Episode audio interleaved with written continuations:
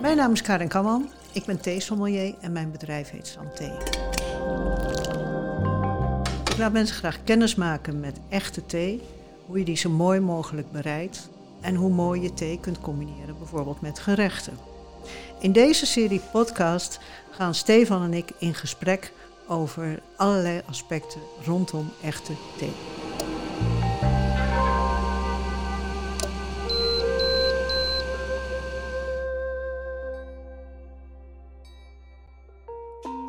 Oké, ik ga nu eh, een klein beetje uit mijn comfortzone, Karin. Ik moet iets noemen wat ik heel moeilijk vind om te noemen. Uh, hij heet Ti Tiguanyin, zeg ik dat goed? Nou, verbe verbeter me alsjeblieft, verbeter me. Je komt een heel eind in de richting, Stefan.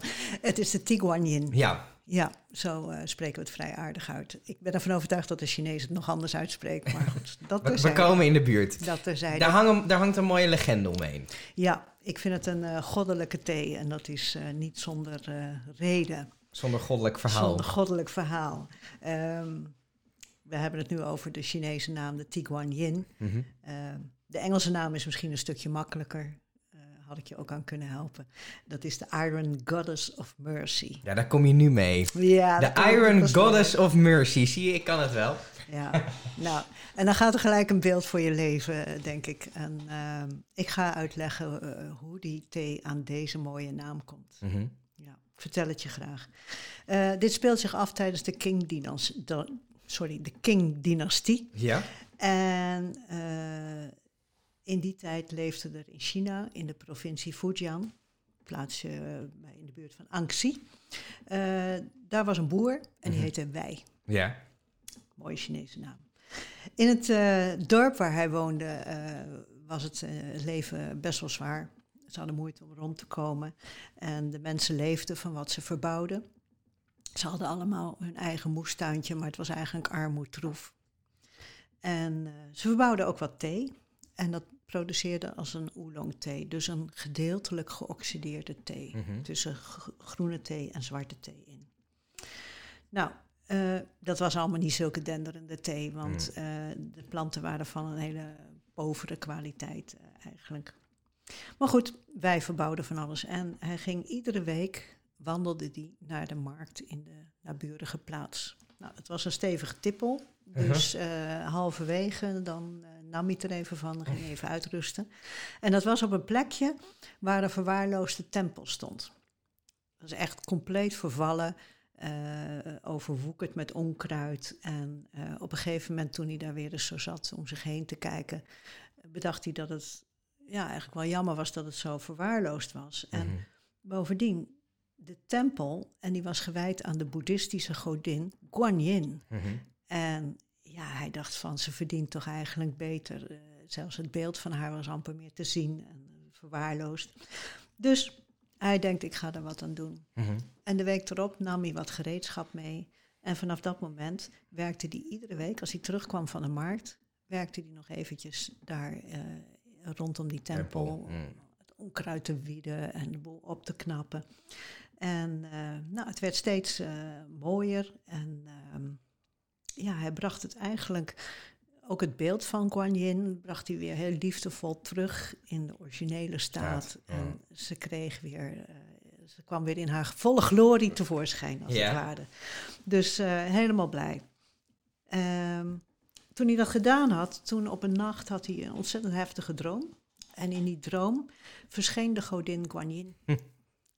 En uh, ze vertelde me in die droom dat ze zo dankbaar was wat hij allemaal uh, voor haar gedaan had. En heel belangeloos. En uh, ze wilde hem daarvoor bedanken. Dus ze had een geschenk voor hem. Mm -hmm. Ze legde hem uit dat hij achter de tempel, op een bepaalde plek, zou hij het cadeau vinden. Mm -hmm. En nou, hij kon natuurlijk niet wachten. Dus de volgende dag hij terug naar die tempel. En zoeken, zoeken kon eerst niks vinden en jawel hoor, hij zag op een gegeven moment een heel klein plantje. Hm. En, uh, ik heb zo vermoeden wat dat was. Ja, je voelt hem aankomen. Ja. Het was een heel klein lief theestruikje. Mm. Ja. En ja, hij was eigenlijk een beetje teleurgesteld van hoe moet ik nou mijn met, met, ja, met zo'n blad. theestruikje, ja. is dat mijn cadeau nou? Maar goed, hij nam het mee en uh, hij plantte het in zijn moestuin. En die tot zijn verbazing ging die struik echt fantastisch groeien. Het was Mhm. geen vergelijk met de kwaliteit van wat hij had staan. Mhm. En eh, het werd een prachtige struik. En hij kon al gauw de eerste blaadjes oogsten en maakte er een eh, prachtige thee van. Op de manier zoals hij al gewend was, dus als een oolong. Thee. ja. Nou, hij eh, liet zijn dorpsgenoten proeven en nou, ze waren het er allemaal snel over eens. Ze hadden nog nooit zo'n mooie thee geproefd. Het ja. was niet te vergelijken met wat ze ooit kenden.